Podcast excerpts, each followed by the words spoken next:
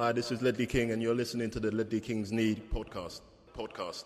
Podcast. Podcast. Ledley Kings knä, Konsekvent, inkonsekvent Ledley Kings knä, Det bästa som någonsin hänt. Ledley Kings knä, Du kommer aldrig bli dig själv igen min vän. Ledley Kings knä, Här flödar hybrisen. Ledley Kings knä, När vi poddar på nytt igen. Ledley Kings knä, Du kommer aldrig bli dig själv igen min vän Dra ballen över gruset och kyss din älskade i morgonljuset. Det här är Lellekins knä, trollkontot på Twitter som en gång i veckan också är en podd. Robin heter jag och jag vill tacka alla er som eh, har nominerat oss och som också börjat rösta i det som heter Guldpodden. Vi är nominerade tack vare er eh, som årets hälsa fritidspodd ett kvitto på att vår eh, terapi är faktiskt är fruktsam. Eh, årets sport idrottspodd, vilket ju är kul att ni uppskattar de fem minuterna varje vecka vi pratar eh, fotboll. Eh, och sen eh, störst av allt skulle jag vilja säga poddarnas poddpris, årets podd. Till nästa år siktar vi givetvis på att bli årets italiensk-inspirerade svenska fotbollspodd också. Eh, Robin heter jag och eh, med mig idag så har jag min, eh, eller vår, korrespondent i huvudstaden. Huvudakten på charaden. En man med både bas och diskant, nämligen Per Fricke Brandt. Hej! Tack, tackar. Tack. Hej, hej, hej. Eh, vi- visst var det hobby och, och, och eh, fritidspodden? Kategorin. Hälsa och fritid sa du? Det kanske var hobby och fritidspodd. Jag tänkte det hade varit mer relevant. Det säger en hel del om hur mycket vi... Fan vad... Vad, vad Vad ja, många, vad många pusselbitar som nu får på plats för dig. ja, ja. Men eh, också lite så här älskvärt, eh, vad heter det? Ehm, eh, stor, Nonchalant. nonchalant att liksom inte ens ha koll på vilket pris man har vunnit. Nej, är det fint? eller? Ehm, eller är så som inte har vunnit ens, eller? Nej, men det, röstningen pågår ju här nu ett tag till. Ehm, um, Nestor undrade hur det går med dina röda viner Per. Men det är förträffligt. Jag, jag blev ju, det var ju lite, eh, lite debatt där efter förra avsnittet om eh, Puglia faktiskt har Sangiovese-viner. Eh, och, och det har de. Eh, Det har de. Och sen så, sen så var jag på en, eh, en vinprovning här i, i torsdags. Och jag är ju eh, jag är lukt och smakblind. Alltså jag känner inte lukt och jag känner inte smak. Men jag älskar ju liksom, jag gillar rödviner för jag tror ju att jag kan eh, känna igen rödvinssmaken, i alla fall druvorna. Så, trots att det inte har någon smak. Eh, för, men jag dricker bara Sangiovese. Jag är helt säker på att nu ska jag ta ut en Sangiovese.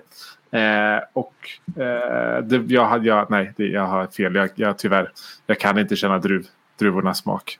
Nej, eftersom att du, alltså du skojar ju inte när du säger att du inte har, utan du har ju verkligen den medicinska, kliniska, alltså.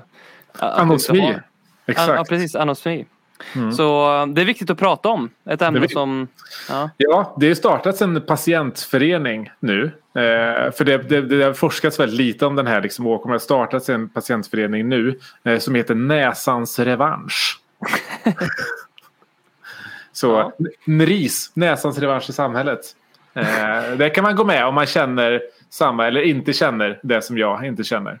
Vilket kanske är en Jag del nu efter corona. Man kan ju tycka att det är lite som att gå på bio och man är blind att gå på en vinprovning om man inte har smaksinne. Men eh, vem är jag att döma? Eh, Ja. Vi har också med vår, Lo Celso-vurmande pedagog som sket i Eskilstuna och flyttade hem. Kattälskaren BM. Hej! Buonasera, buonasera, fratello mio Åkman. Come ti godi la vita sotto Conte? Ah, mu- mucho gracias. Bytte jag ett språk där så att Håkman skulle förstå. Han är ju lite mer spansk klingande. Våran Che Guevara dyrkande revolutionär som jag bara vill prata med. Det- Ni förstår ju det här direkt. Eh, Jag har också gjort lite research och kan eh, bekräfta att Antonio Conte har argentinsk eh, härsprung. Eh, Precis som att Giovanni Lo Celso har italienskt härsprung. Och eh, även Cuti Romero givetvis på något sätt är involverad i maffian. Så har vi, det, har vi lagt ribban där. Eh, Jag vill bara påpeka här att när vi går in i den här podden väldigt energiskt likt P- Pierre-Emil Höjberg på senare tid utan att få så mycket gjort. så måste jag bara säga att den här podden är väldigt, väldigt, väldigt trött på sådana här pissiga, luffiga bronsmedaljer i diverse poddpriser. Vi, vi är förbi det stadiet nu, så antingen ge oss en guldmedalj eller så ser ni till att vi inte ens hamnar på pallen. Kapisch? Ja, absolut. All or nothing. Eh, all or nothing. Eh, vi har ju också med oss eh, Hans Holméns ärkefiende Thomas Wassbergs idol. Mannen som får alla andra att framstå som mentalt svaga, Forshagas egna Marcus Håkman! Du ville Ja. ju innan vi, vi började prata eh, här, du, precis innan vi tittade på Rex sa du, men vi ska väl lägga ner det här Italien-runket snart va? Sa jag så? Ja, kanske Mm. lite. Ja. Men är det, det är väl fint att någonstans glädjas åt det lilla man kan glädjas åt numera. Och är det ett Italien-runk så är det väl bättre runk än inget runk eller? Så jag får väl liksom ändra mig lite där. När var du senast på en vinprovning Håkman? Så det är cirka 42 år sedan. Ja. Ja. Ja. ja, men det var ändå mer, mer snart än vad jag trodde. Ja, ja, Påstå, typ. påst, alltså, du är ju 42 år gammal. Påstod du precis att dina föräldrar antagligen gjorde dig efter en vinprovning? Eller är det något jag inte hänger med på? Eh, kanske inte efter, efter, efter, efter, efter vin kanske, om inte annat. Då, Ja. mm. Det vet jag ingenting om men det, det, finns ju stö- det finns ju mer saker som skulle förvåna mig mer än det i sådana fall. är, Ah, det så, är, är det så man blir rödhårig? Ja, kanske. Kanske. Kanske är det. Kanske är det vin, eh, vinet innan som gör det på något sätt. Inte vet jag. Kanske mer visken då möjligtvis. Någonting då, kanske. Ja, eh, du har ju inte varit med eh, på Konteveckan. Som Nej, var vårt eh, av. premium content-vecka. Du hade magsjuka istället. Kul. Mm, Eh. nej, mina barn hade magsjuka. Så var det. Så var det. Eh, ännu roligare.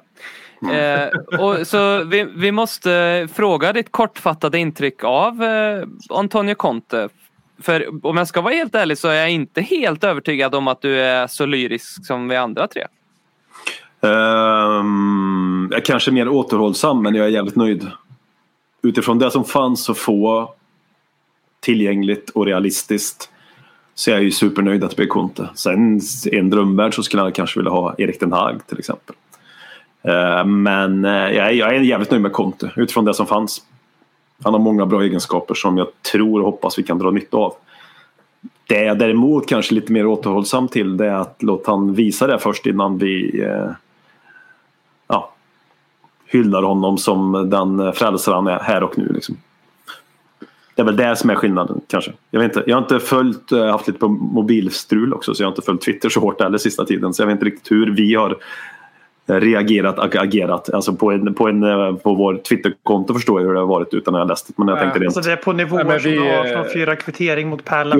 Jo, Den Jag jag tänkte rent hur ni har sett på det, det vet jag inte riktigt. Men, Nej, men vi, vi, har varit, vi har varit väldigt återhållsamma även på Twitter. Vi har inte, vi har inte dragit alltför stora växlar av det här. Utan eh, nej, allt är som vanligt. Allt är som vanligt. Ja. Nej men den är ju den är liksom herregud konten. Vad han, vad han har gjort och hur han förändrat lag. Tidigare han har kommit utifrån tabellposition och hur han fått spelare som Victor Moses som jag brukar ha någon som säger adelsrikt märke. Hur han fick Victor Moses att bli ja, sensationellt bra. Jag tycker du har alldeles för små ord om, eh, om Conte, Håkman. Det är, ja, utifrån vilka som är tillgängliga. Ja, det är klart han är liksom en av de bättre där. Men alltså, även om man bara hade här, startat om, en ny save på Fifa. Alla Mm. tränare tillgängliga. Vem väljer man? Antonio Conte. Nej, Conte, det, Antonio. nej, det gör man inte. Jo.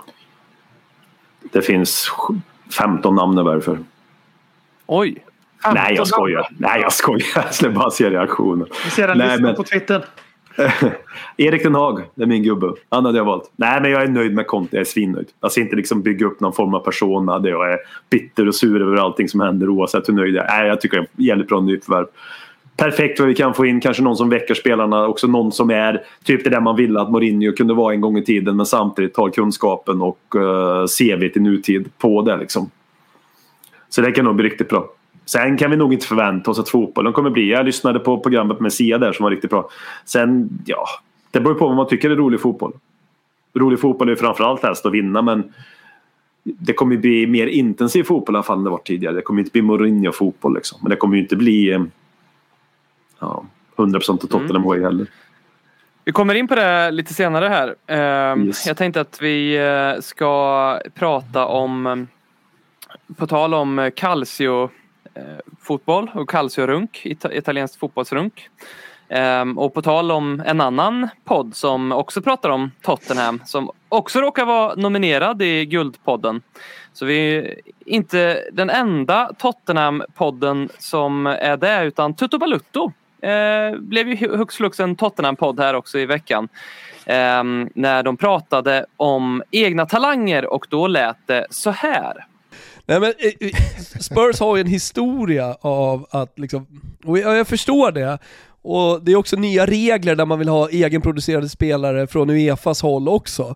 Eh, men, där man inte riktigt har lyckats med sina egna produkter. Eh, men där, precis som i Chelsea-fallet, alltså där man älskar sina egna produkter, det gör väl alla, men det kanske har varit lite överdrivet i just eh, Chelsea-ledet kan jag tycka, så har man ju även liksom i Spurs verkligen krigat in sina egna produkter. Och eh, även om de har inte varit speciellt bra som i Oliver Skip-fallet så, så har man på något sätt ändå så här, nej men trott lite på dem och försvarat dem. Nu kommer Antonio Conte in, nu är det slut på gullandet kan jag säga. Nu, nu spelar det ingen roll vad någon annan säger. Eh, håller ni med Thomas Wilbacher och Gusten Dahlin om att eh, vi har en bild av att vi vill vara bra på att ta fram egna talanger men att vi inte är det? Alltså, jag, jag tror inte vi har direkt en sån bild. Jag, jag tror att den har... Eh, alltså Tottenhams självbild har ju aldrig varit att vi är en talangfabrik. Liksom. Eh, eh, våra kopplingar till Ajax har inte direkt att göra med att vi, en- att vi skapar världstalanger på löpande band. Så. Sen är det så här, jag tycker att vi efter liksom att vi gjort det där ganska enorma hävet med liksom träningsanläggningen och liksom vuxit som klubb Eh, under de senaste tio åren eh, så har ju även liksom talangfabrikationen följt med. Sen är det ganska oturligt att vi under den perioden hade en tränare i form av Mauricio Pochettino som egentligen inte trodde på utlåningar för fem öre.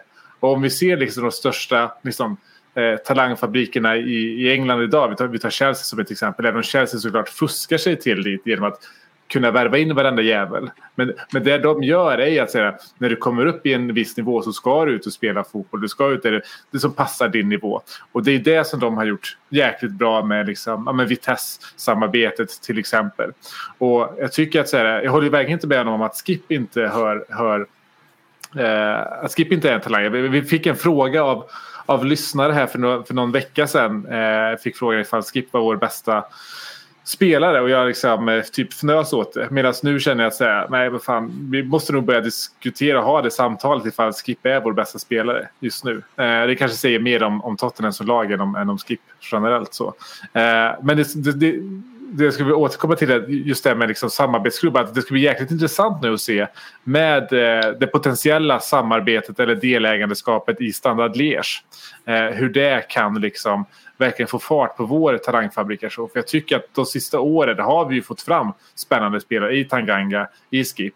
Eh, och eh, det är ju en del som har varit väldigt spännande men som kanske hade varit ännu mer spännande om de hade fått eh, bli utlånade. En Troy Parrott om han hade fått rätt, eh, rätt nivå direkt. Om, om en sån som Scarlett. Han ska ju inte spela i första laget. Alltså så som han har eh, blivit behandlad av Nuno tycker jag är rent direkt eh, dåligt för hans karriär. Så, så jag, tror, jag tror att vi kommer bli lite av en talangmakt att räkna med framåt.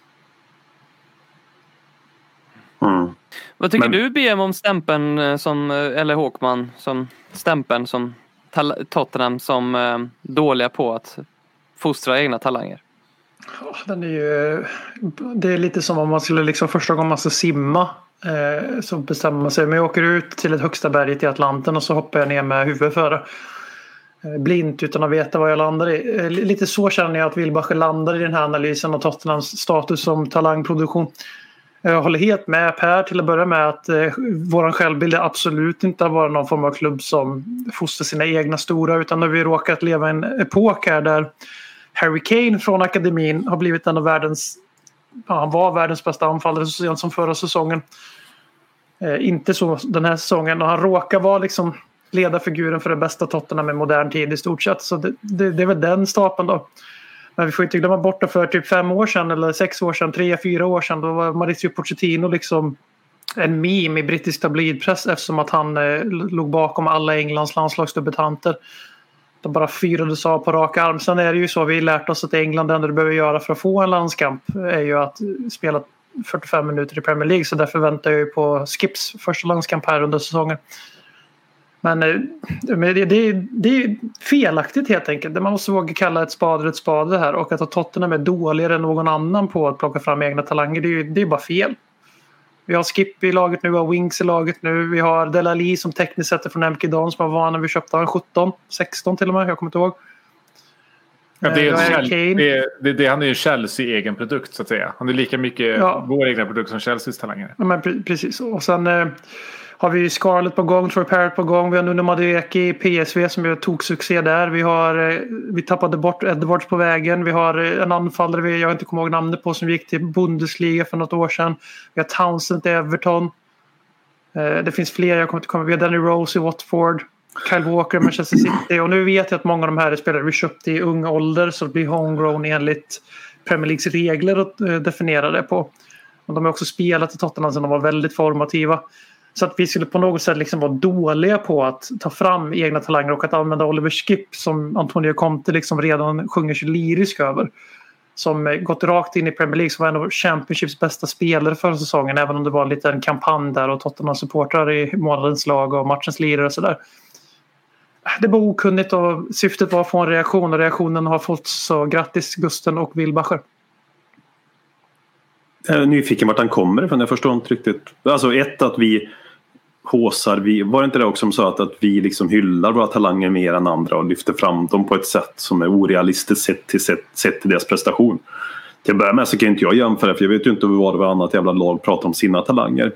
Uppenbarligen kanske andra gör det och har en sån övergripande bild och ser att ja, men City pratar på det här sättet, United på det, Fiorentina på det, Bologna på det sättet. Inte vet jag men generellt känns det som generellt är det väl någonting som de flesta gör tror jag. Håsar upp sina egna talanger. Och att de har det som en, att supportrar har en högre förhoppning, en annan synsätt på den än de inköpta. Det är väl inget generellt för Tottenham, det är väl något generellt för alla supportergrupper tänker jag. De flesta i alla fall. Om det är någon som slår igenom. Det är väl så det funkar och det är väl fint att det är så. Så ska det väl vara också. Exakt. Och jag, jag tror att så här, av liksom, de, de större klubbarna, om vi tänker topp 6, så tror jag att Tottenham supporter är kanske de som minst stoltserar med det eftersom att vi inte har den traditionen. Alltså, Nej, vi, nej. har- Vi varit som, vi, vi värvar in storspelare. Liksom. Eh, och väldigt liksom Eh, en budgetversion av Galactico säger vad vi har varit historiskt. Eh, men är det några som jag tycker kanske håsar lite väl mycket i så fall Arsenal som ska vara lite snarare har varit liksom brandat som en talangfabrik och har de senaste åren eh, hyllat och lyft upp diverse spel som inte ens länge kommer ihåg namnet på.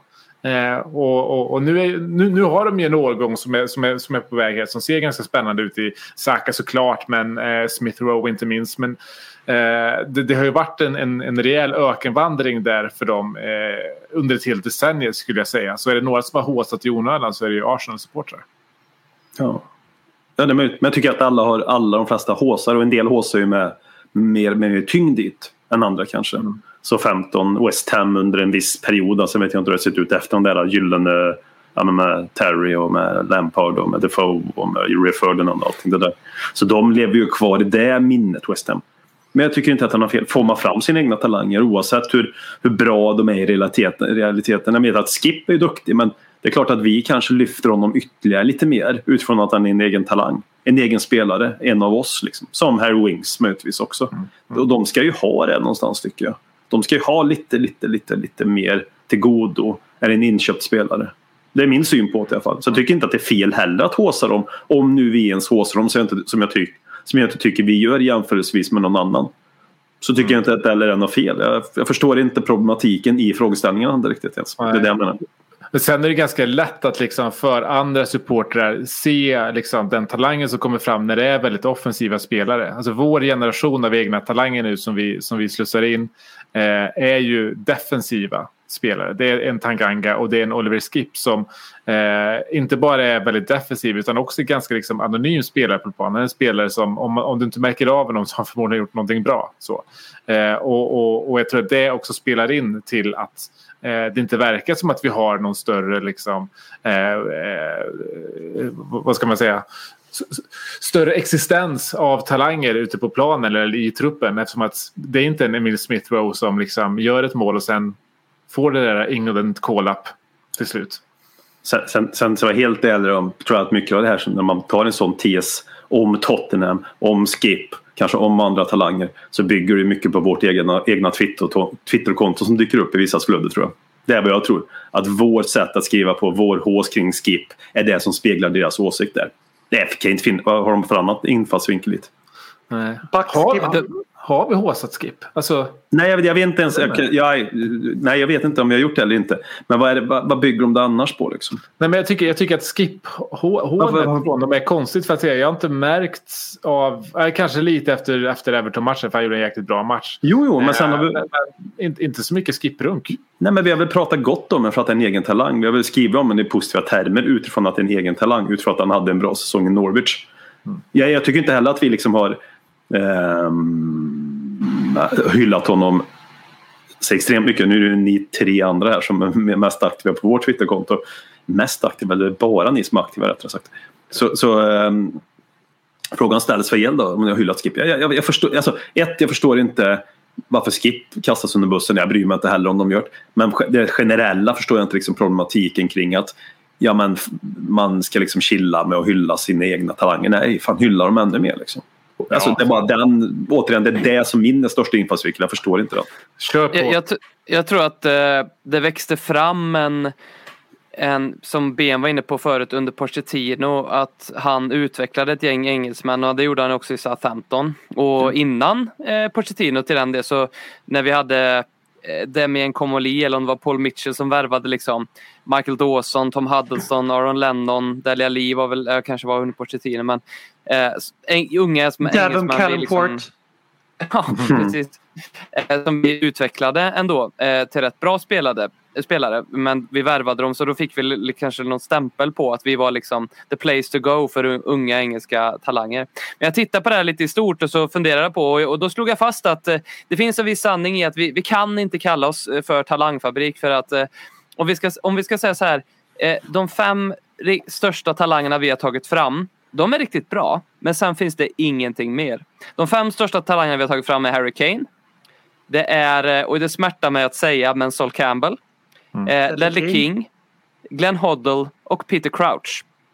Och sen så finns det kanske liksom Steve möjligtvis eh, Ja, var han egen produkt? My- mycket möjligt att han var. Eh, men var han, han var jättebra för oss och han är den som har gjort mest matcher för oss. Men var han på någon av de här gubbarnas nivå så att han liksom kanske lite mer ur ett större perspektiv sett Jag vill, ba, en- jag vill bara få stor- bort Sol Campbell. Det är bara det.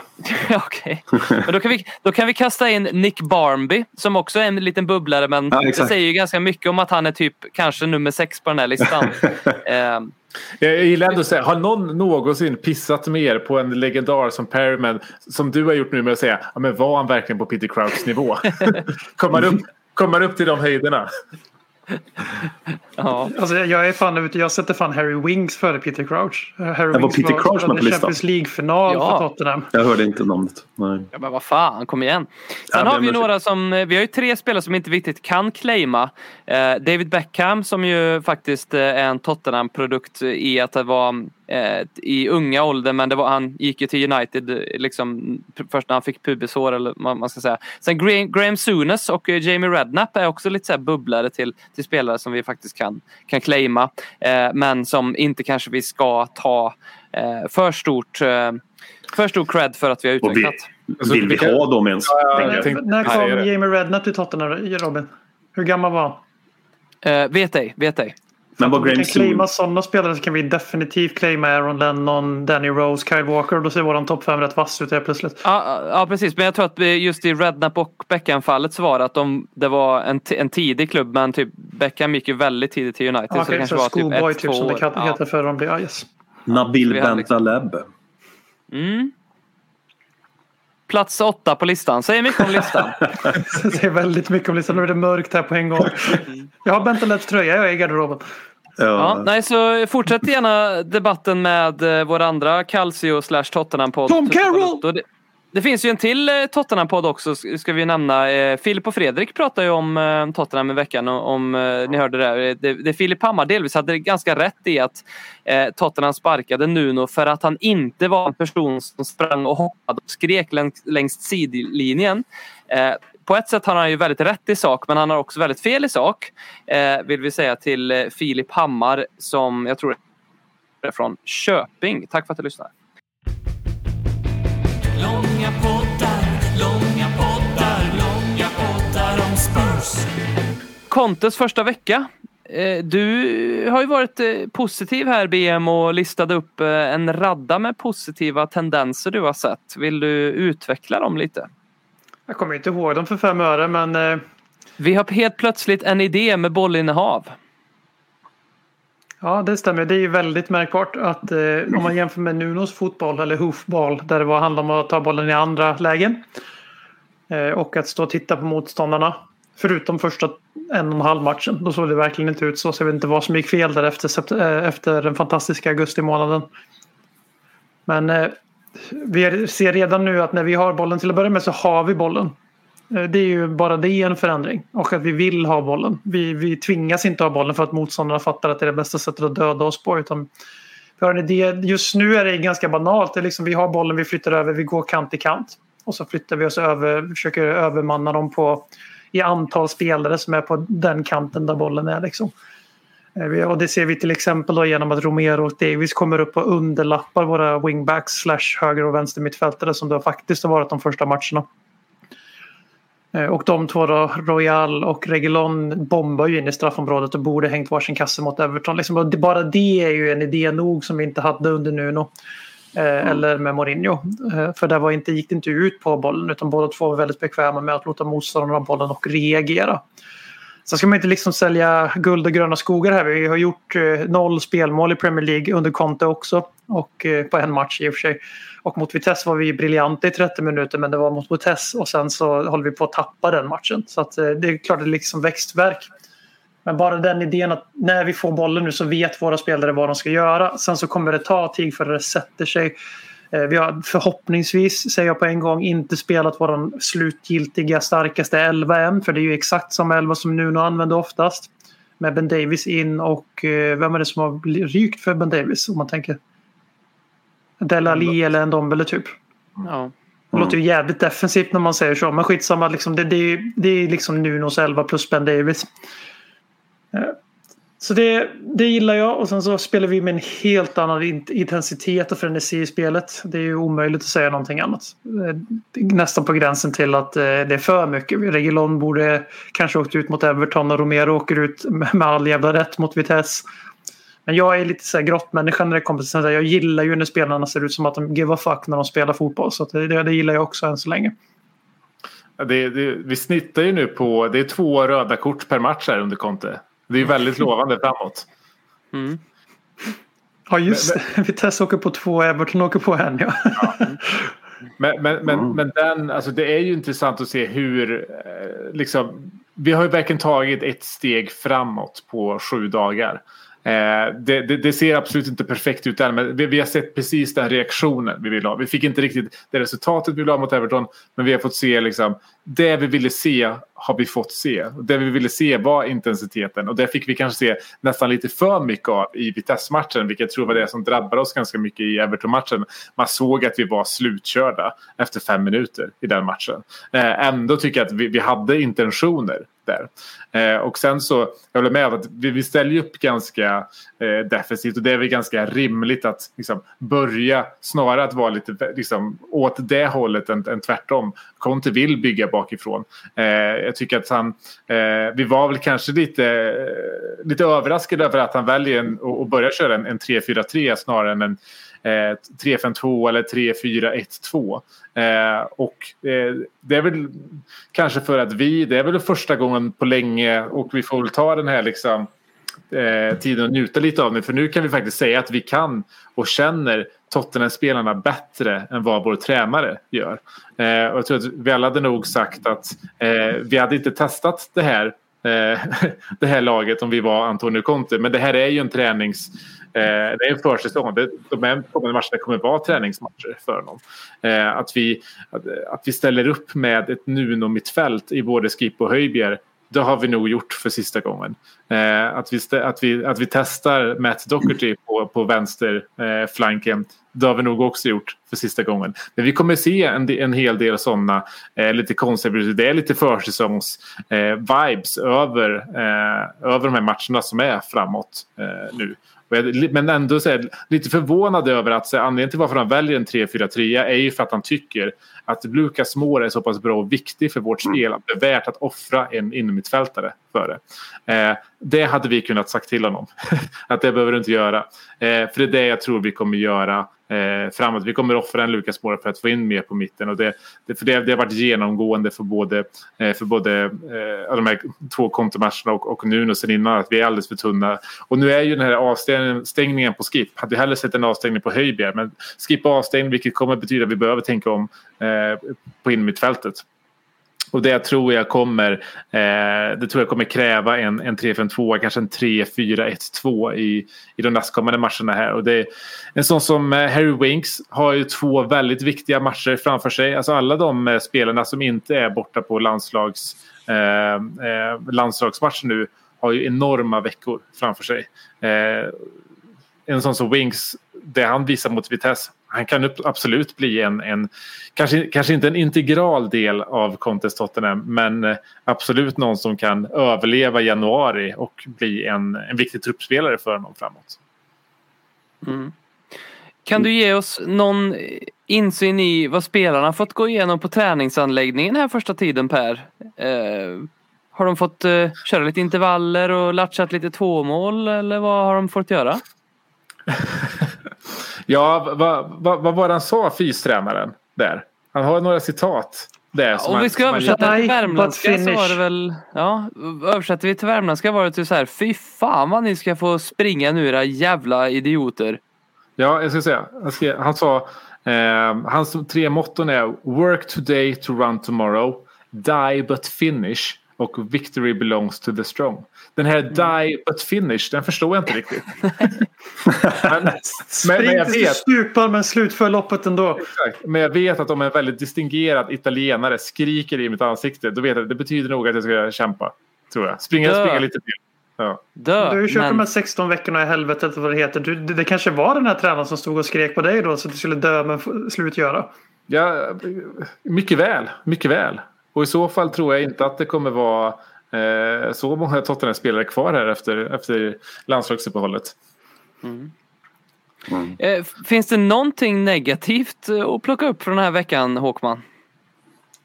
Eh, jag gillar bollen, att han passas hitåt. Nej, men det, det, det negativa är inte så mycket byggt på Conte vill jag ju se. Du är poddens Lo. Ja, men jag är ju det. Nej, men alltså, det, är ju, det tekniska utförandet mot Everton var ju under all kritik i många lägen. Och det gick vi ju hand i hand med Everton också som var tekniskt utförande katastrofalt. Och det är framförallt det här i mittfältet och kreativiteten som kommer ifrån det centrala innermittfältet som ska fördela boll på ett bra sätt. Upp mot anfallare eller ut mot kanter eller så vidare. Och det var ju inte bara de. Harry Kane var ju också är det bland det sämsta jag sett Harry Kane i Tottenham på jag vet inte när. Och då han ju mållös så det var ju inte det fundamentalt. Han, han- det var så många lägen, han kom i lägen, han kom ner, mötte boll, fick vända upp och skulle slå vidare bollen. I det här längsspelet som han eh, anammade så jävla fint förra året. Men han, jag vet inte, det kändes knappt som han slog en enda boll rätt till en medspelare. När han, för han löpte ju rätt de här ytorna han hittade. Så det är det här tekniska utförandet. Och det är ju lite om det beror på, på ork och kondition eller om det beror på självförtroende eller om det beror på att man inte riktigt är samspelta. Jag, jag vet ju inte riktigt än men det var katastrofalt och utifrån det som, som Per var inne på så tror jag också att det är liksom väldigt viktigt om vi ska fortsätta skippa Höjberg där i mitten i alla fall att vi behöver också ha typ en annan spelare. För Höjbergs passningsspel är ju väldigt överskattat tycker jag. Då. Han gjorde ett bra i Danmark i EM, det håller jag helt och hållet med om. Ingen snack om det. Men i Tottenham har inte det varit hans styrka. Och sen när han fick en mer framåt, framåtflyttad position så har det inte gjort honom gott heller tycker jag. Alltså, så. Hans Så- progressiva passningsspel. Han är ju okej på att liksom hålla bollen inom laget. Han är ju peppskolad liksom. Men att Jo, jo. slå passningar som gör mer än det vi alltid hat- hatar Harry Wings för. Där håller jag med om. Men vi behöver få någon som Ja, vi behöver få någon som, som de säger i fotbollstränare, bryter linjer i det här fallet. Som Mm. hittar ytor. Och vi, ja, visst, vi kommer inte få Eriksen. Men vi har spelare som kan vara mer åt det hållet. Jag ty- tror till och med att det är bättre att ha en Lo Celso tillsammans med de där två på innermittfältet. Och, och ta bort Mora. Nu gillar jag Lucas Mora väldigt mycket. Hans egenskaper med att, med att med boll löpa och gå med vidare i det tempot han gör. Alltså, det finns inte så många som är bättre än honom i Premier League. Just på det spelmomentet. Men det är det spel, spelmomentet han har också. Så för lagets bästa så måste han väck liksom. Och få in en annan mittfältare. Om det är Ndombele eller Lo Celso eller inte. Får vi någon som kan passa bryta då är det Ndombele. Vill du få ytterligare ett rivjärn på mitten som kan jobba lite mer tvåvägsspel då är det Lo Celso. Men vi måste få ihop det. Vi måste binda offensiven med mittfältet också. På något sätt. Och det har vi inte riktigt gjort än. Nej. Nej, men det är ju... Alltså, Och det är tidigt. Jag vill bara säga att det är, som det är ju tidigt. Herregud. Ja, så. ja, absolut. Alltså, det, time här, liksom. Absolut. det, det här ligger ju inte på, på, på Conte. Det, här liksom, det, här är, det, är ju, det är samma problem som vi haft under, under en ganska lång tid. Exakt. Eh, och och, och, vi, och vi, vi märker ju nu att säga, vad vår liksom, trupp har gått ner sig egentligen. Mm. Att, säga, och jag tror att en sån, alltså, eh, Höjbjerg var ju extremt hypad av oss. Eh, eller av liksom, Tottenham-communityt Mm. under fjolåret. Eh, och nu har det verkligen kommit en backlash där liksom, Höjbjerg är lite av en scapegoat. Och, och jag kan faktiskt tycka att den är liksom mer berättigad än, än en vi- viss skit som, som Lo Celso får. Men jag tror att det har att göra mycket också. Att det, det är ganska mänskligt i att säga Höjbjerg kom ju in med egenskaper som vi saknade så enormt mycket. Och då blir det att man överskattar den spelaren. Då blir det att så här, och i den positionen han hade också som, som eh, lite, lite, mer, lite mer sittande under, eh, under Mourinho där. Att hans, eh, vi blev väldigt liksom, så fort han gjorde en passning rätt så tänkte vi att han, han har tekniska egenskaper också den där karln. Men nu är det ganska uppenbart att det är ju den här, eh, det, det är passningsspelet som inte, som inte sitter. Höjberg är en av de sämsta. Skip har den bästa passningsprocenten i Tottenham eh, än så länge här de senaste, de, senaste, de senaste matcherna. Och då är det klart, är det en av de två man ska eh, behålla, ja, men då är det såklart Oliver Skip. Men jag tror också, så här, jag tror också att det som du är inne på Håkman, jag håller med, det är, är kvaliteten just nu som saknas. Och kvaliteten kommer komma, för vi vet att kvaliteten finns. Men det som, eh, det som är Contes styrka är ju det som vi ännu inte riktigt har fått se, för det är det som tar tid. Vilket är automation. automation. Spelarna ska göra saker av ren automatik. Man ska inte behöva tänka, utan man bara gör. Och är det någonting vi inte vill att våra spelare i Tottenham ska göra så är det att tänka. För när, när våra spelare tänker, då blir det inte bra. Och jag tror att när det sitter, för man såg att i positionsspelet, där, där står vi rätt. Vi står redan i konterposition. Alltså all våra, våra, eh, våra lägen som vi skapar och att våra två bästa målchanser kommer från våra två ytterbackar är ju ganska talande för att det positionsspelet sitter. Och när liksom automationen också kommer sitta, då tror jag det här kommer bli väldigt bra. Jag vill bara säga att automationen kommer ju sitta bättre när han får in en, liksom, en, en eh, som han ofta, oftast har. Han har ju inte oftast två sittande i mittfältare, han har ju oftast en sittande mittfältare. Och då blir vi ju fattiga och lite mera... eh, Och Kane sjunker ner och är centrala spellinjerna. Och det kommer ju också kunna bli mer hotande om vi får in de typerna där. Jag har gärna Höjberg i startelvan. Men då ska han vara väldigt tydlig i sin städgummeroll om man säger så. Då ska han ligga där städa utifrån det lag vi har nu. Så det, jag är inte nödvändigtvis att jag vill peta honom utan bara ändra hans um, spelroll i laget. Men det jag också blir imponerad utav, också varit inne på, vi har bara återupprättat, liksom, det är att Emerson Royal tycker jag, vilken, det, även om också hans tekniska utförande, hans inläggsspel har mycket att jobba på. Men hans, hans tydlighet, hans roll, att det, här kommer passa honom väldigt, väldigt bra. Med ganska bra fysik. Och ha den högerflanken och jobba fram och tillbaka på. Han är ju mer en, eh, en eh, wingback än en ytterback. Utifrån det jag sett hittills i alla fall. Ja, men verkligen. Alltså, och verkligen en seger för, för Paratici. För nu, nu, nu märker eller Paratici, som vi har kommit fram till att han ska uttalas. Eh, det verkar varit en seger för honom. Dels jag säga, alla värvningar han gjorde var ju kontovärvningar. Så han, han visste ju på något sätt att han skulle komma. Men våra Mm. två bästa, bästa spelare den här säsongen har ju varit Romero och nu efter Conte Mm. också eh, Emerson Real. Mm. Eh, fan vad Emerson ser bra ut i den positionen. Och en som jag tyckte var bra nu senast, en som är en riktig hackkyckling som jag ändå tyckte var bra, det var Ben Davis. Mm. Tyckte Ben Davis var bra, tyckte Ben Davis kom upp i banan också. Han kom upp i banan mer Mm. nu än han gjorde som ytterback. Liksom. Han Ja. gjorde bra. Han kom upp på ett bra sätt. Han kunde liksom, hans, hans passningsfot kom till rätt läge och just han spelar ju nog mycket för att han är Jag vet inte hur många vänsterfotade mittbacksalternativ vi har så jag låter det vara osagt. Men, men det är ju nog en del av den kan spela. Jag tyckte Ben Davis var en av de bättre mittbackarna som nu senast. Absolut. Jag absolut. noterar eh, att det har blivit en liten eh, narrativskiftning här i att herregud Nuno, för fan vad dålig du är till Nej, för fan dåliga spelare du har Conte. Du har mycket att jobba på. eh, och tittar man bakåt lite grann så var det så här under Pochettino. Även hur de här managerna har fört sig och så, och rört sig och vad de har sagt och inte sagt och så. Så under Pochettino tänkte man vi har en så jävla bra manager, lite automation som du var inne på Per, det var ju så det kändes. Det var så här, jag, jag skiter väl i ifall det är Kyle Walker eller Kieran Tripper. Jag, jag är bara så jävla trygg i det här systemet liksom. Till eh, Mourinho där, det- där hela tiden handlar om spelarna. Där det till och med finns ett citat där han säger same coach different players här. Ja, det bet dig i röven där jävla jävla portugis eh, eh, gubbgrin eh, unge. Och så kom Nuno in. Han gick inte ut sådär och sa att spelarna är dåliga men när, när, under Nunos tid så tog man ut på honom precis som man gjorde med Mourinho. Noterar ni också det här narrativskiftet? Mm. BM? Ja, absolut. Eh, Jag måste bara lägga in här att jag, jag tänker att en rolig idé vi skulle kunna göra, vi skulle kunna mötas upp i Stockholm och så ska vi gå till portugisiska ambassaden. Eh, Och så kan vi snabbt se eh, om, de, om det är någon där inne som lyssnar på Ledder Kings knä. För detta portugishat som flödar fritt i våran podd nu och även mot andra portugiser. Inte bara våra egna portugiser, men framförallt Manchester Uniteds portugis kanske. Eh, jag tänkte bara slog mig här när du gick ut på den senaste tunna is här och belastade hela det vackra öriket Portugal med Nuno som deras eftermäle. Och Mourinho. Jag vill bara slänga in en liten dänga till de romanister som lyssnar också. Att, eh, det, jag, tycker, jag ser att ni har same players different coach nu när ni gör allting sämre än vad Fonseca gjorde. Jag ville bara ha det sagt.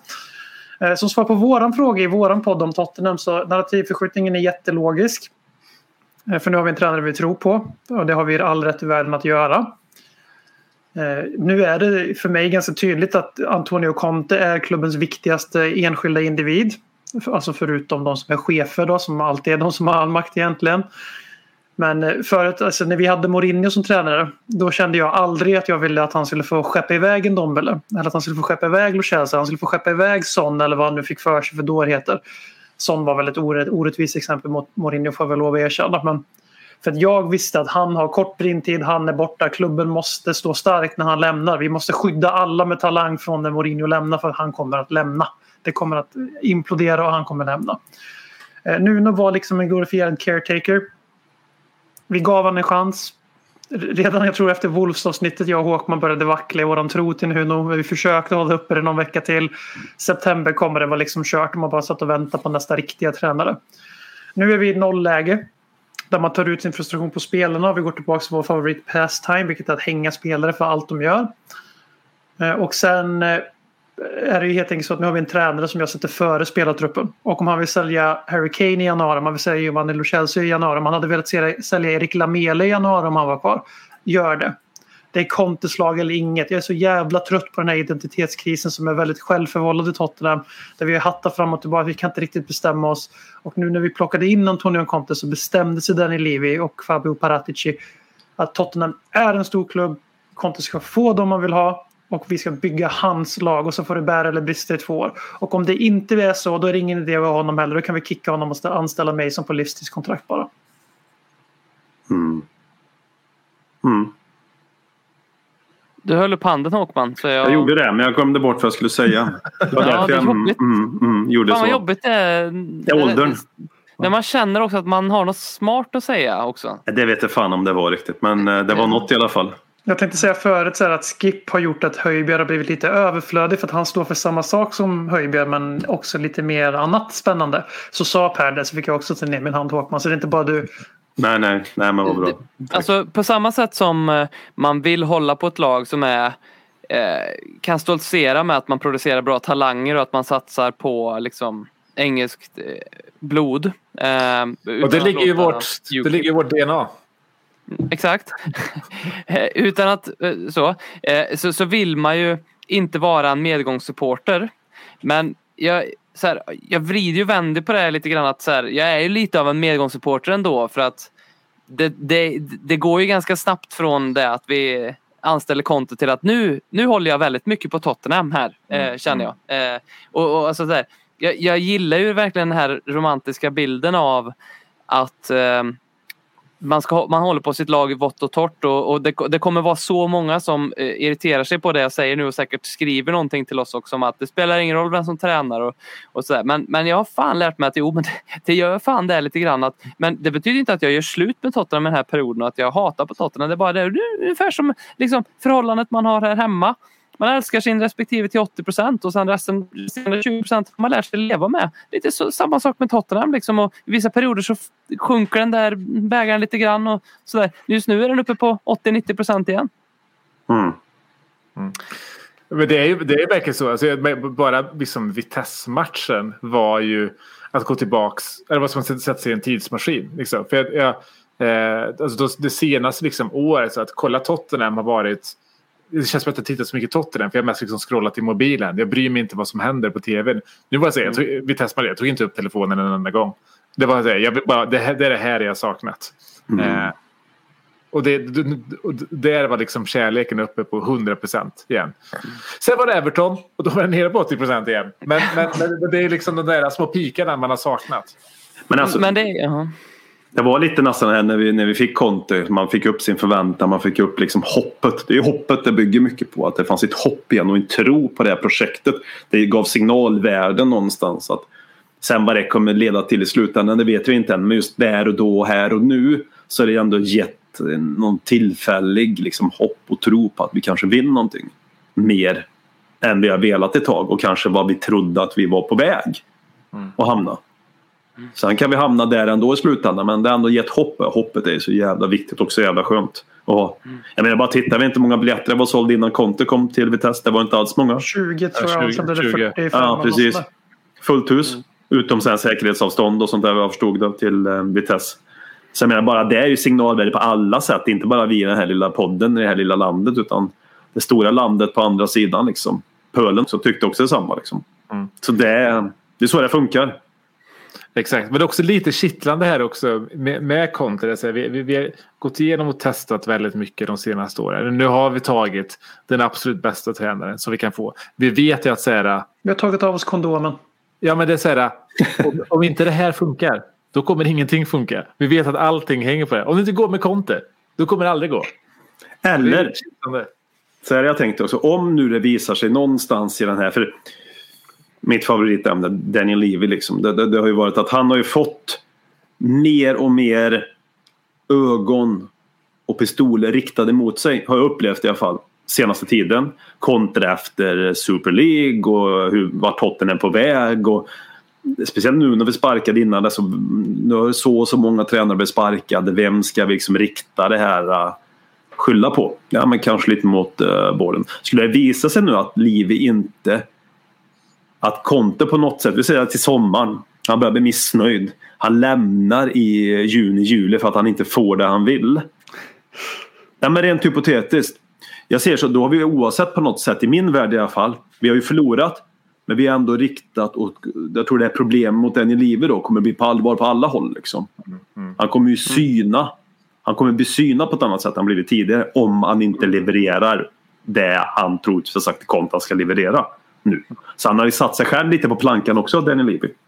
Med andra ord lite högt spel av Livi att anställa Ja, det- ur, ja. fråga att göra.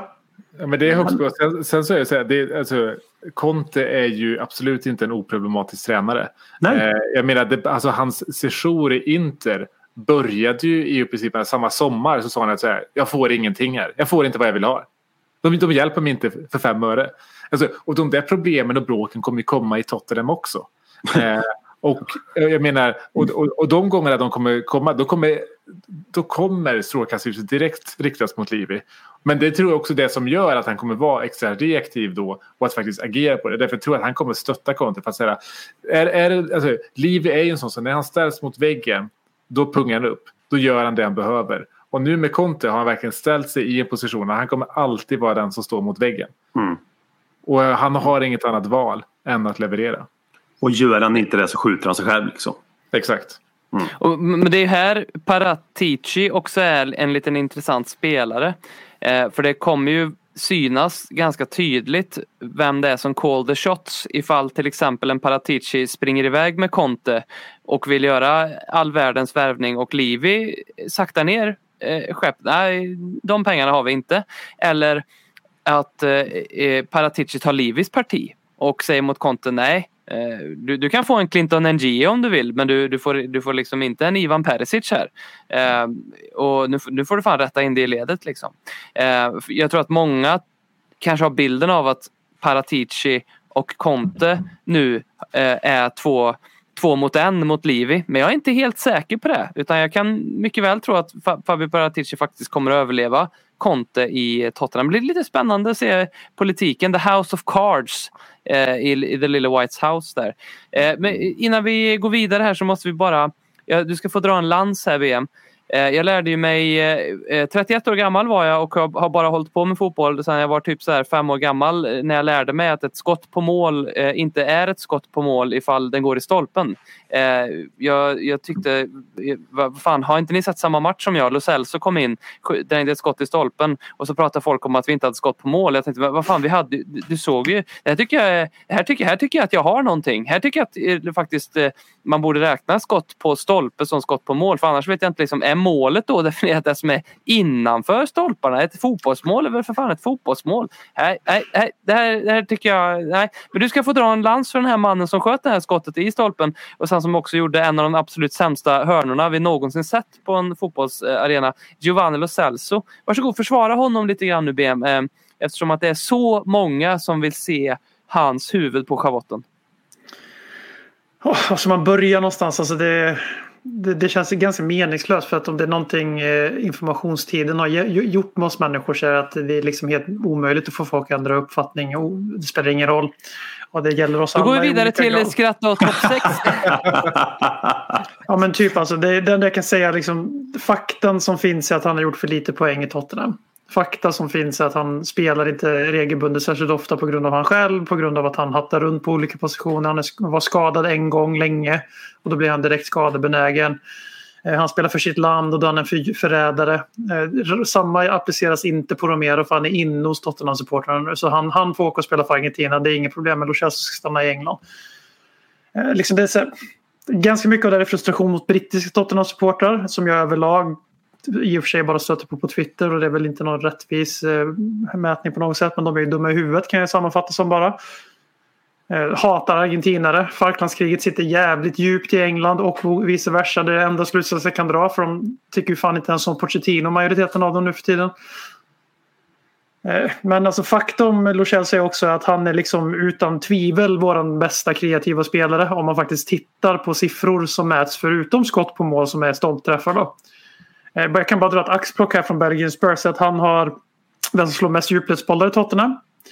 Han är den som slår mest bollar framåt i tredje, sista tredjedelen. Och det, här, det här är en kille som sitter på bänken allt som ofta. Så det är ju inte jättebra siffror för de andra lagkamraterna. Då. Eh, Han har flest skottinvolveringar, alltså att han har skjutit eller passat fram till någon som har skjutit. Så att säga. Han pressar bäst i laget i stort sett. Och det, alltså det, analysi, analysen med statistiskt av honom är att han är en elitspelare som central mittfältare. Men problemet är att vi spelar honom typ som högervinge eller som tia. Eh, och sen jag... Det, det finns mycket att för, vara frustrerad på kring honom. Han är en frustrerande spelare precis som Erik Lamela var innan. Och ni som känner mig och känner den här podden vet att jag dog för Erik Lamela. Eh, jag känner inte alls lika starkt för Lo Celso. Eh, det är bara att jag blir, det blir så här, varför ska vi hänga den enda spelaren som har liksom förkroppsligat tillsammans med Tanguy Ndombele skulle jag vilja säga. To Darius to do de senaste åren som vi har skrikit om. Varför spelar vi som att vi är livrädda för varandra lag? Varför är vi så jävla tråkiga att titta på? Och så har vi två spelare i truppen som förkroppsligar det. Som tar mer risker än de kanske borde. Som alltid försöker skapa. Då ska man hänga dem för att de inte lyckas skapa någonting själva. Och att det blir liksom inte tydligare när han kommer in mot Everton, skapar våran överlägset bästa målchans. Han gör det helt själv. Han, en av de första grejerna han gör är att vinna bollen på mitten. Ta en Everton-gubbe, slå en perfekt passning mellan två spelare till Kane. I en kanonyta för kontring. Och så Kane, Kane vaskar den bollen åt helvete. Eh, och sen så skjuter han en stolpe och så slår han en dålig hörna. Alltså, alltså en så horribelt dålig hörna så att det går inte att göra någonting annat än att garva. Lite det Per var inne på förut, om när Tottenham-spelare tänker då är det inte bra. Alltså, för jag vet inte, han, han tänkte nog lite för mycket där. Men då, så- då blir det liksom häxjakt på honom på Twitter. Men alltså jag ser att för andra matchen i rad kommer han in från bänken och eh, skapar mer än vad spelare som spelar hela säsongen har gjort. Men det är han som ska hänga, så det blir bara tröttsamt för mig. Liksom. Säg bara att du hatar argentinare och gå vidare. Som vi gör, vi hatar portugiser, det är okej. Exakt. Skratta åt topp 6. Let's laugh at the top six. They are really shit.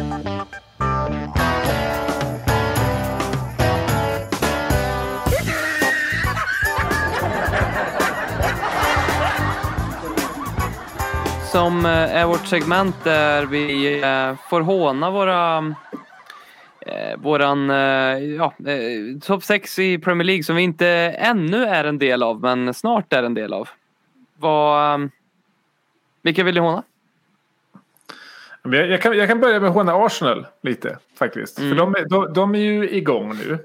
Eh, Och då sitter alla de här liksom Arsenal-vurmarna och säger att ja, vad säger du nu då? Jag som... Fan, vad eh, många de är helt plötsligt. Ja, nu är det många. Oj, oj, oj, kolla på oss, vi som satt kvar i Arteta-båten. Nu fick vi allt rätt. Men så kollar man, vad är det som egentligen har gjort att Arsenal nu funkar? Jo, men det är en klassisk 4-4-2 som de kör. Och de har själva sagt att ja, men vi behöver inte liksom foka så mycket på det, på det taktiska nu, utan vi bara går ut och kör. Och det här är det man säger indirekt är så här, vi har slutat lyssna på Arteta. Alltså att Arteta kör en vanlig klassisk svensk 4-4-2. Det, är liksom, det finns ju ingenting som han tycker är värre än det här. Och det här är bara ett bevis på eh, att Arteta är en dålig fotbollstränare. Att Arsenal nu går bra. När man överger allting som Arteta tror på. Och då så sitter de här vurmarna där och är stolta över att sitta i Arteta-båten. När det är den som har sjunkit. Så de vill jag skratta åt. Det är också kul att eh, Arsenal nu snackas om som att man är tillbaka. Man, man slår Watford med 1-0 och så är det så här, yeah vi är killers, we're back. Ja, ni, ni slog Watford med 1-0 eh, och innan det så slog ni ett eh, krisande Leicester som ju för sig hade kanske eh, hittat någon form av form. Eh, men sen var det kryss Crystal Palace, det var kryss, kryss Brighton och så slog ni Tottenham som är Ja, som var, alltså, hade ni inte slagit Tottenham då, Det var Englands sämsta då hade lag ni då. Du kan säga det. i mig varit... Ja, vi, var, vi var Premier League sämsta lag i, där och då eh, och även i den matchen. Jag menar, match mot Leicester så var det inte så att det var en välförtjänt Arsenal-seger där de asfalterade Leicester för till punkt och pricka. Nej, Men det var en målvakt som gjorde jobbet, eh, alltså en Ramsdale som var jätte, jättebra liksom. Så jag menar, ja, Ja, nej, men den där, den där Arsenal-bubblan kommer spricka snart. Jag är inte så orolig. nej, nej, noll procent. mm. eh, BM Glazers och Manchester United, vad är det senaste där? Här är så, jag bottnar inte egentligen i deras missnöje. Jag har, liksom, jag har förstått det här att de köpte klubben och, flyttade över sina skulder på den och allt, alla de här grejerna. Och att de tycker på något sätt att Manchester United supportrar har haft det tufft sen dess. Så det har de ju haft sportsligt, lite som vi har haft det sen Ports eh, tappade rummet. Så är vi, som Per var inne på, eller det var du Robin som var inne på det här med medgångssupportrar och att man har känt sig lite som så. Så när vi var uppe och dansade med de riktigt stora killarna eh, 2018 där. Så sen dess har det varit lite tufft att motivera sig för Spurs. Så det är väl lite det United har haft då, en förlängd identitetskris. Eh, men eh, det, de hade ju de här protesterna under lockdown i slutet där. Fick ju matchen mot Liverpool uppskjuten och allt möjligt liksom. Eh, och sen så värvades det lite stora namn på sommaren. Det gjordes en liten stor satsning. Och det blev jävligt tyst. Det gick också bra sportsligt i början av säsongen och det blev väldigt, väldigt tyst. Jag vet att Glazers Out är en riktig legitim supportrörelse som liksom inte, de slutade inte finnas. Det var att de slutade ha massornas support när det gick bra för Manchester United och deras miljardbygge. Sen så kom de på den här lilla detaljen igen här att när vi tog Conte bland annat att oj då, vi, vi tränas ju av en om möjligt ännu sämre tränare än Mikael Arteta. Till och med fan mig sämre än Nuno Espirito Santo. Eh, och vi får inte ut någonting av det här miljardbygget för vi kan inte sätta in pusselbitarna för vi har inte byggt ett lag. Vi har byggt ett Fifa-lag liksom. Och nu, nu, nu är det tufft. Nu går det dåligt. Så då, då kraftsamlar man. Glazers out, hashtag trending. Protestaktion utanför Old Trafford under landslagsuppehållet. Nu jävlar ska vi jaga ut de här giriga kapitalisterna som inte gör någonting för Manchester United och inte tillåter någon form av satsning. Deras lag kostar ju bara mest i hela världen så att det är liksom det, jag förstår deras lidande och jag beklagar sorgen till Adam Fröberg och Fabian Jalkebo. Ole in. Har du något eh, du vill skratta åt eh, Håkman? Nej, nej faktiskt inte. Jag har inte förberett mig på den här punkten. Jag tyckte det var klockrena två punkter så det är liksom, jag ska inte gå in och tro att jag ska bräcka dem där. Låg energi eh, Håkman idag. Ja, men jag är lite jag är trött. Jag som hade, svettig, jag hade en, eh, en, eh, svettig förra veckan med magsjuka med barnen. tror jag. Lite sliten efter det faktiskt. Du I var, keep lite som, my eh, distance du var lite som Arsenal egentligen förra veckan. Sätt bara lite press på dem så bajsar de ner sig direkt. Nej, men det, jag, men jag, jag gillar ju ändå liksom det här med, med, med, United och BMs eh, analys kring det. Att man sträcker upp fingret nu helt plötsligt och nu ska protesterna göras. För att nu analyserar man att det här går ju inte så bra med Solskär och då ska vi samla, samlas allihop. Och sen oj, då köpte vi lite spelare. Gick på det här mutförsöket från Glazers och då var allting eh, jättefint och vi fick Varann och vi fick Ronaldo och vad fan fick de mer? Sancho liksom. Mm. Och då var allting bra. Men eh, alltså, de är bipolära liksom i sitt beteende, United-supportrarna. Alltså majoriteten som du säger, det finns ju de som är kronisk laser out. Men nu går det lite dåligt och de reagerar och agerar kraftigt bara för att oj, fan Tottenham sparkar sin tränare så här snabbt. Oj, Tottenham tog Conte. Hade inte vi sparkat vår tränare efter det här så de har ju fortfarande varit missnöjda men det har ju liksom fått deras reaktion att agera och reagera ännu kraftigare här och nu. Det är liksom... Äh, fan, jag börjar stå mer och mer på United-supportrar. Alltså. Det är väl den Jag tycker- generella liksom.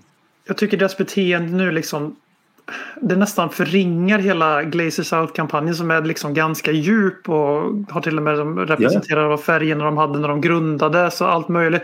Liksom det är ändå någon form av vacker supporterprotest mot vad ja. fotbollen är fel. Sen kanske jag inte har så mycket sympati för United-supportrar överlag. Men nu, nu liksom de, de förringar sin egen kampanj lite när de är så reaktionära tycker jag.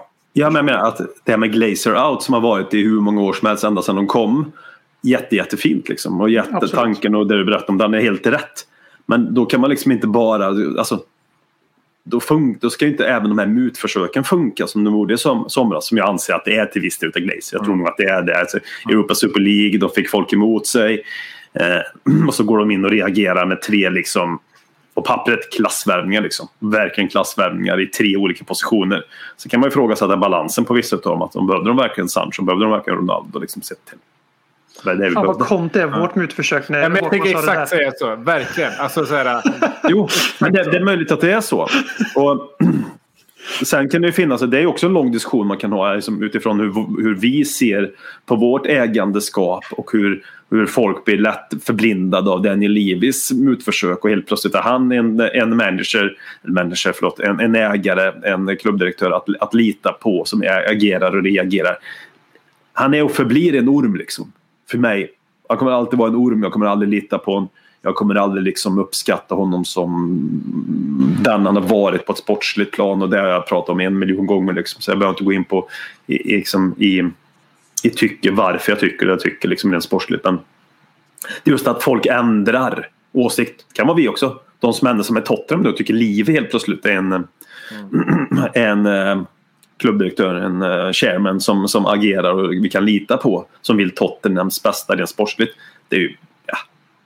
Det är ju som så här, han har, vad har han? Han är lite stressad och då agerar han utifrån det liksom. Liv.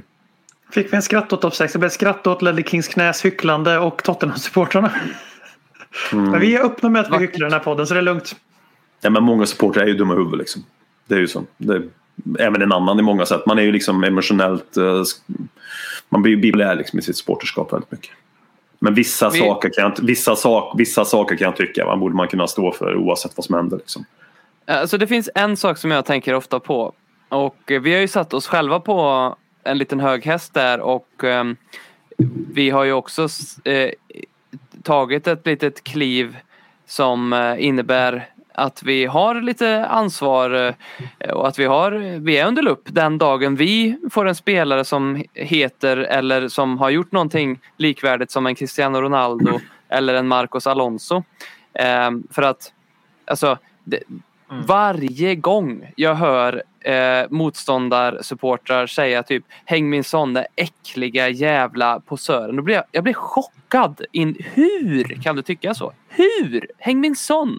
Och samma med Dele Ali och Erik Lamela. Jag hatar dem säger de motståndarspelare. Men kan du inte förstå att de är rätt sköna ändå? Och då förstår jag liksom att jag är ju bara i där och då samma typ av supporter som jag inte förstår när jag sitter och säger så här, Luis Suarez, hur kan ni, hur kan ni du tänka dig att liksom ta en selfie med honom och lägga upp på din Instagram och säga kolla vilken skön gubbe jag träffade. Jag, jag, jag förstår det inte. Så att eh, vi blir ju testade den dagen vi får en sån spelare i truppen eh, på riktigt. Ja, det blir vi. Man, vi, har, ju- vi har ju rätt. Alltså att säga att de, alltså de personerna som går på Hemmingsson, jag vet, alltså, jag vet vilka det är här på Twitter. Det är ju Chelsea-supportrar. Och, och framför allt. Och så där, men när vi sitter och kastar skit på Alonso, på Ronaldo och för Suarez. Ja, men det är för, Suarez för att han är rasist, Alonso för att han har dödat en kvinna och Ronaldo för att han är våldtäktsman. Det är ju Mhm. lite skillnad. Eh, och det, jag, jag, eh, jag, jag, jag tycker ändå så här, vi, vi har ju ställts inför dem. Eh, eh, alltså, inte riktigt lika allvarligt, men, men typ alltså, när till exempel Loris åkte dit för rattfylla som ett exempel.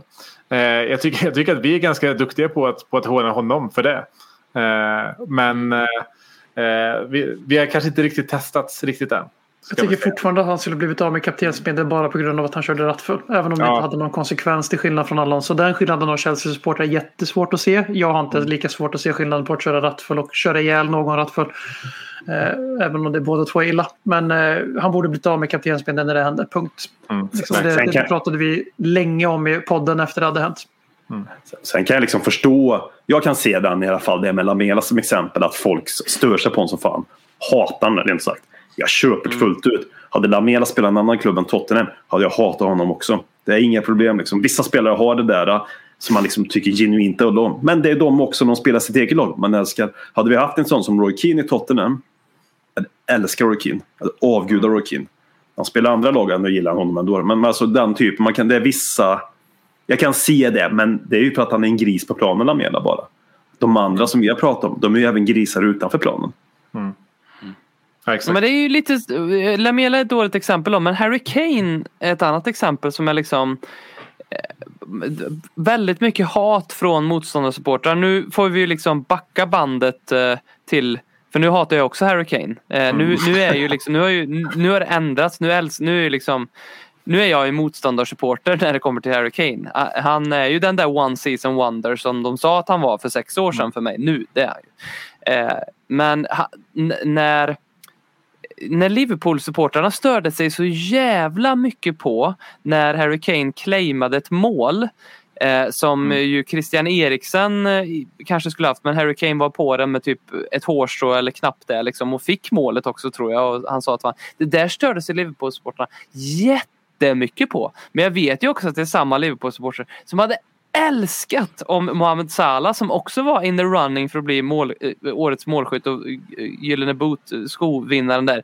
Om han hade gjort det hade de ju älskat hans killer instinct, hans vinnarinstinkt för att han vill claima det målet. Så att med Kane, Kane tyckte jag var märkligt att det är så många som har stört sig på faktiskt. Ja, ja, men nu förstår jag fullt ut. Ja, ja. Nu är det. Fy fan Hata vilken på. idiot. Vi avslutar med lite lyssnarfrågor.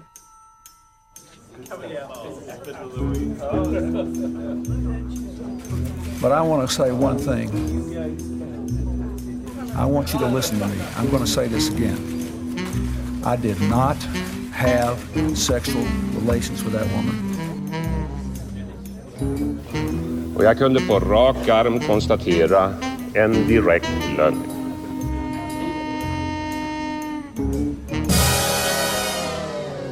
Och eh, eh, på ämnet här nu då.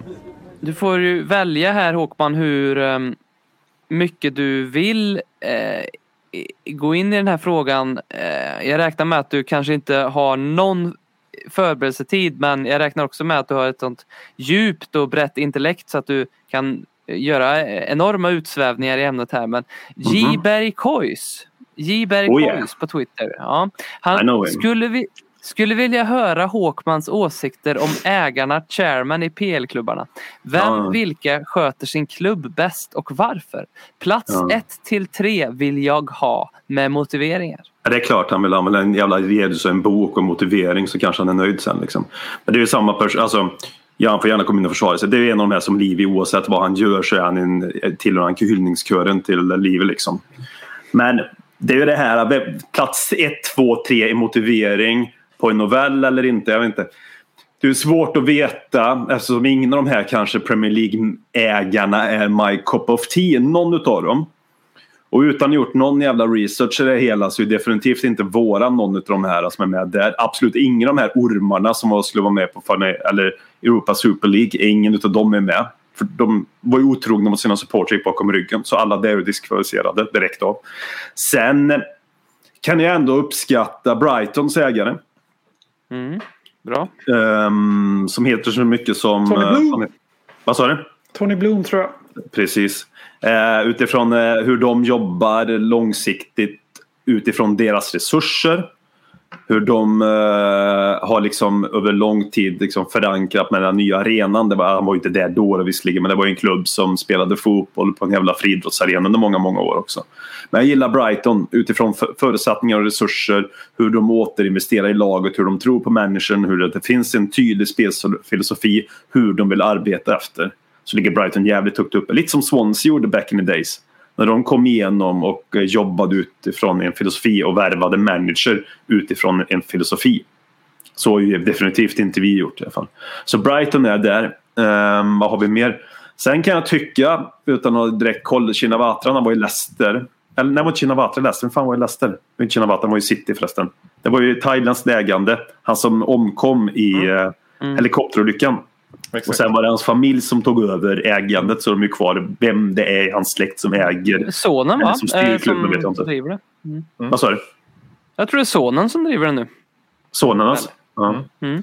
Det är också en klubb som är, är välfungerande utifrån eh, senaste människor. Inte, bara, inte, skit att de vann liksom. Men efter det hur de har anställt med Brendan Rodgers hur de har liksom lyckats att hitta spelare. Hur de har liksom deras värvningsfilosofi utifrån den som att det är fler som är med och bestämmer vem som värvar. Att det finns en röd tråd i köpandet liksom.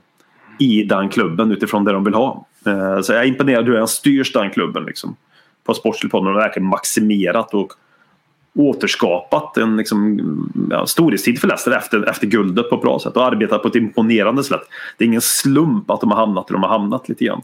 Lite grann som vi började med Paul Mitchell och Pochettino där i början att det var en tydlig röd tråd utifrån hur vi jobbade. Liksom.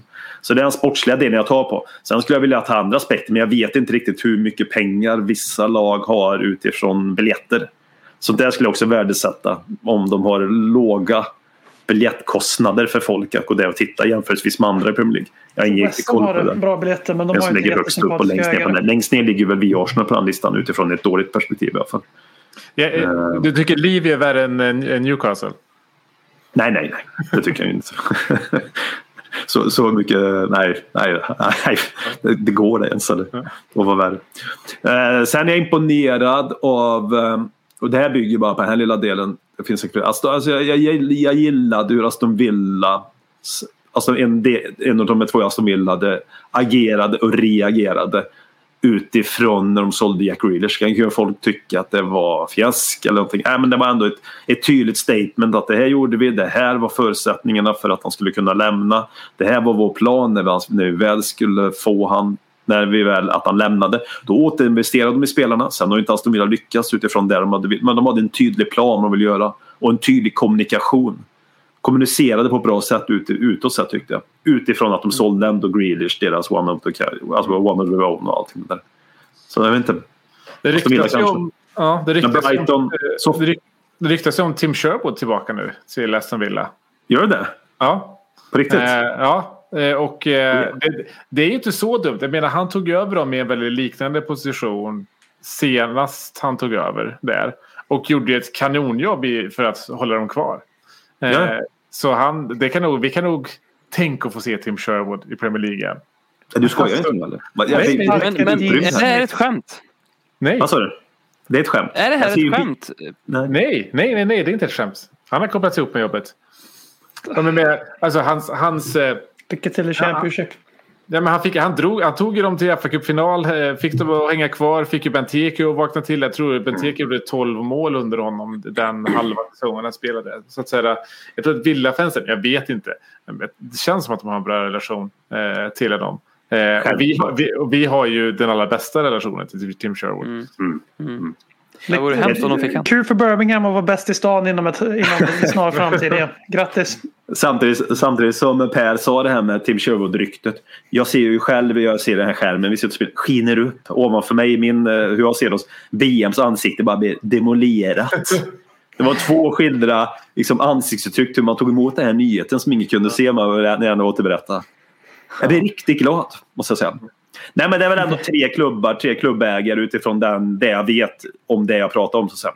Sen finns det andra parametrar. Jag vet ju att Villa också håller på med safe standing tidigt och det är ju vi också vill jag bara säga. Men Villa var först på den bollen också och vill jobba in det. Mm. Är det tre? Det är tre Ja, lag tre. Tre och väldigt bra tycker jag. Eh, på uppstuds så. Eh, Runningmans påstående eh, är det näst sista här. Eh, min, det handlar om vänsterbacks ytterbacksplatsen. Eh, den beryktade Marcus Alonso-platsen. Eh, min patenterade magkänsla säger att Reguilon inte kommer bli bättre än han är nu. Och om Conte får ordning på Sassignons sjukt låga självförtroende så kommer han bli bättre än spanjoren. Vad säger du om det påståendet?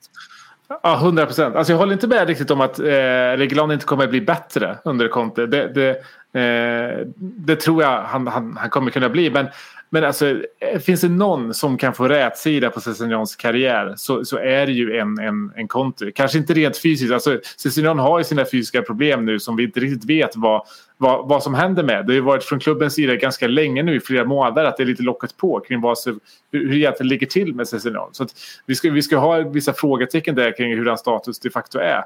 Men alltså, eh, eh, hade någon ställt mig frågan så vad är Cessignons bästa position så hade jag ju sagt ja, men, fan, det är en, en, det är en wingback under Conte. Eh, och det här, är ju verkligen, det här är ju hans sista chans att göra någonting i Tottenham. Eh, men med det sagt så vet man inte riktigt om vart hans liksom, fysiska status är längre. Helt enkelt. Men alltså, jag, jag, eh, jag håller verkligen med. Jag är extremt exalterad över möjligheten att få se Cessignon spela fotboll igen och få se honom i den positionen så passar honom allra bäst. Och då kan han bli den spelaren som vi faktiskt trodde att vi värvade. Det är så tragiskt att de här tre storvärvningarna från 2019, Lo Celso, Ndombele, Session, alltså man kan byta ut namnet i vilken konversation som helst på de här tre. Mm. Man landar alltid i att åh, nu jävlar kanske vi äntligen får se dem lyfta liksom. Och det, eh, både såklart spelarnas egna fel och tillfälligheter de inte kan rå för i Sessions fall kanske främst. Men det är verkligen så här, det är last chance saloon för dem och det finns ju andra killar som har varit i laget mycket längre som borde kanske eh, granskas hårdare. Men så mycket pengar, så mycket prestige, så mycket hype. Fan, luft och ingenting har vi fått ut av det i rena konkreta siffror. Liksom. Eh, jag, jag tror också att John kan rädda sin karriär i Spurs under Conte. Men jag är jävligt orolig kring den killen. Alltså jag, ibland sitter jag och undrar för mig själv om det är liksom mentalt. Att han inte mår så jävla bra psykiskt eller att han inte vill spela fotboll tillräckligt mycket. Men alltså missförstå mig rätt nu. Alltså det, är, det är ingen svaghet att inte vilja spela fotboll tillräckligt mycket som man behöver för att vara på elitnivå. Men eh, det är, som, det är alltid så jävla tyst kring honom när han är skadad. Och han är alltid borta så jävla länge utan att vi vet någonting om det. Eh, jag vet inte, det känns, känns som en karriär som håller på att sjunka jävligt tragiskt. Vi, vi glömmer bort hur otroligt bra han var i Championship som tonåring. Och Championship är fan ingen luffarliga alltså. Det var ju det var ett, en fundamental felvärvning och, sånt som man gör när man inte har en riktigt tydlig sportlig, sportslig direktion. Liksom, han var fantastisk spelare men det är klart att han inte passade i det, i det, på det sättet som vi spelade fotboll. Inte under Pochettino och inte under Mourinho heller. Men nu har vi turen att vi faktiskt har någon där vi, där vi kan använda det. Men det, men det tog tre år nästan. Mm. Mm. Sista frågan här. Eh, påståendet faktiskt från Jonathan som eh, Niklas Björn också sla- slängt in eh, ett litet påstående i. Det handlar om mat eh, och eh, det har ju kanske lite koppling med att vi då är n- nominerade i kategorin årets eh, Hälsopodd. hälsa, hobby, häl, hälsa, hobby, fritids, whatever podd Eh, i, eh, i Guldpodden. Eh, av andra länders matkulturer i Sverige är den italienska maten den mest misshandlade. tycker Jonathan. Och Niklas Björn säger den italienska maten är den mest överskattade. Vart är ni på Jonathan Niklas-skalan här med italiensk mat? Jag kan, jag kan gilla att eh, vi faktiskt börjar liksom, lyfta locket på lite sanningar i den här podden. Eh, förra, liksom, förra veckan lyfte vi locket kring, kring Höjbjerg och att han inte riktigt håller till.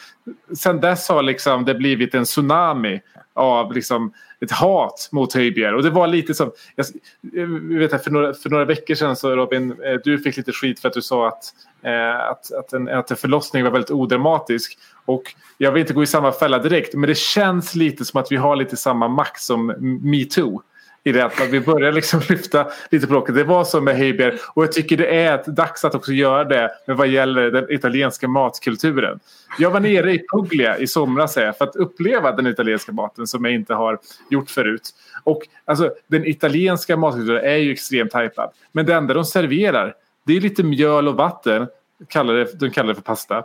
Och sen så är det lite rå, det är tomat. Och så är det lite olja. Det är, alltså, italiensk matlagning är ju inte matlagning. Det är, det, är, det är ju mat. Det är bara råvaror. Så jag håller med. Det finns inget italienskt kök. Det finns en italiensk farm där du plockar maten. Men det finns inte ett italienskt kök. Mm. Jag håller med. Jag, jag, jag tycker att det är så jävla poserande det där med som italienarna körde med i VM att eh, man kan inte ha ketchup på pasta. Jo, det kan man. Det är jätte, jättegott. Och sluta säga att sluta höja upp pasta till en jävla premiumprodukt. Det är pasta är pasta. Det är billigt, enkelt. Det är klart det ska ha ketchup på min jävla pasta. När jag, när jag var nu i, i Puglia i somras så de, de är väldigt stolta där över att de har sin egen pastasort som jag, eh, jag kommer inte ihåg vad den heter. Men det är så här, Vi har mjöl och vatten här vi. Ja, pastaöron. Och den, den degen, det, det är bara mjöl och vatten. Och sen så rullar man det till en korv och sen så liksom hackar man den med, med kniv. Och sen så kokar man den. Och de är jättestolta. Och jag äter det och bara säger varför är ni stolta över det här? Det är, liksom, det är, det är ingenting. Ja. Nej, pissa på italiensk mat gör jag. Så att jag, tror att Jonathans, pizzan. jag tror Jonathans påstående med att andra länders matkultur i Sverige är den mest misshandlade på sätt och vis stämmer. Då. Okej, två påståenden som stämde. Ja, för bra. italienska maten är mest överskattad. Så att, eh, ja, eh, men med rätta. Verkligen.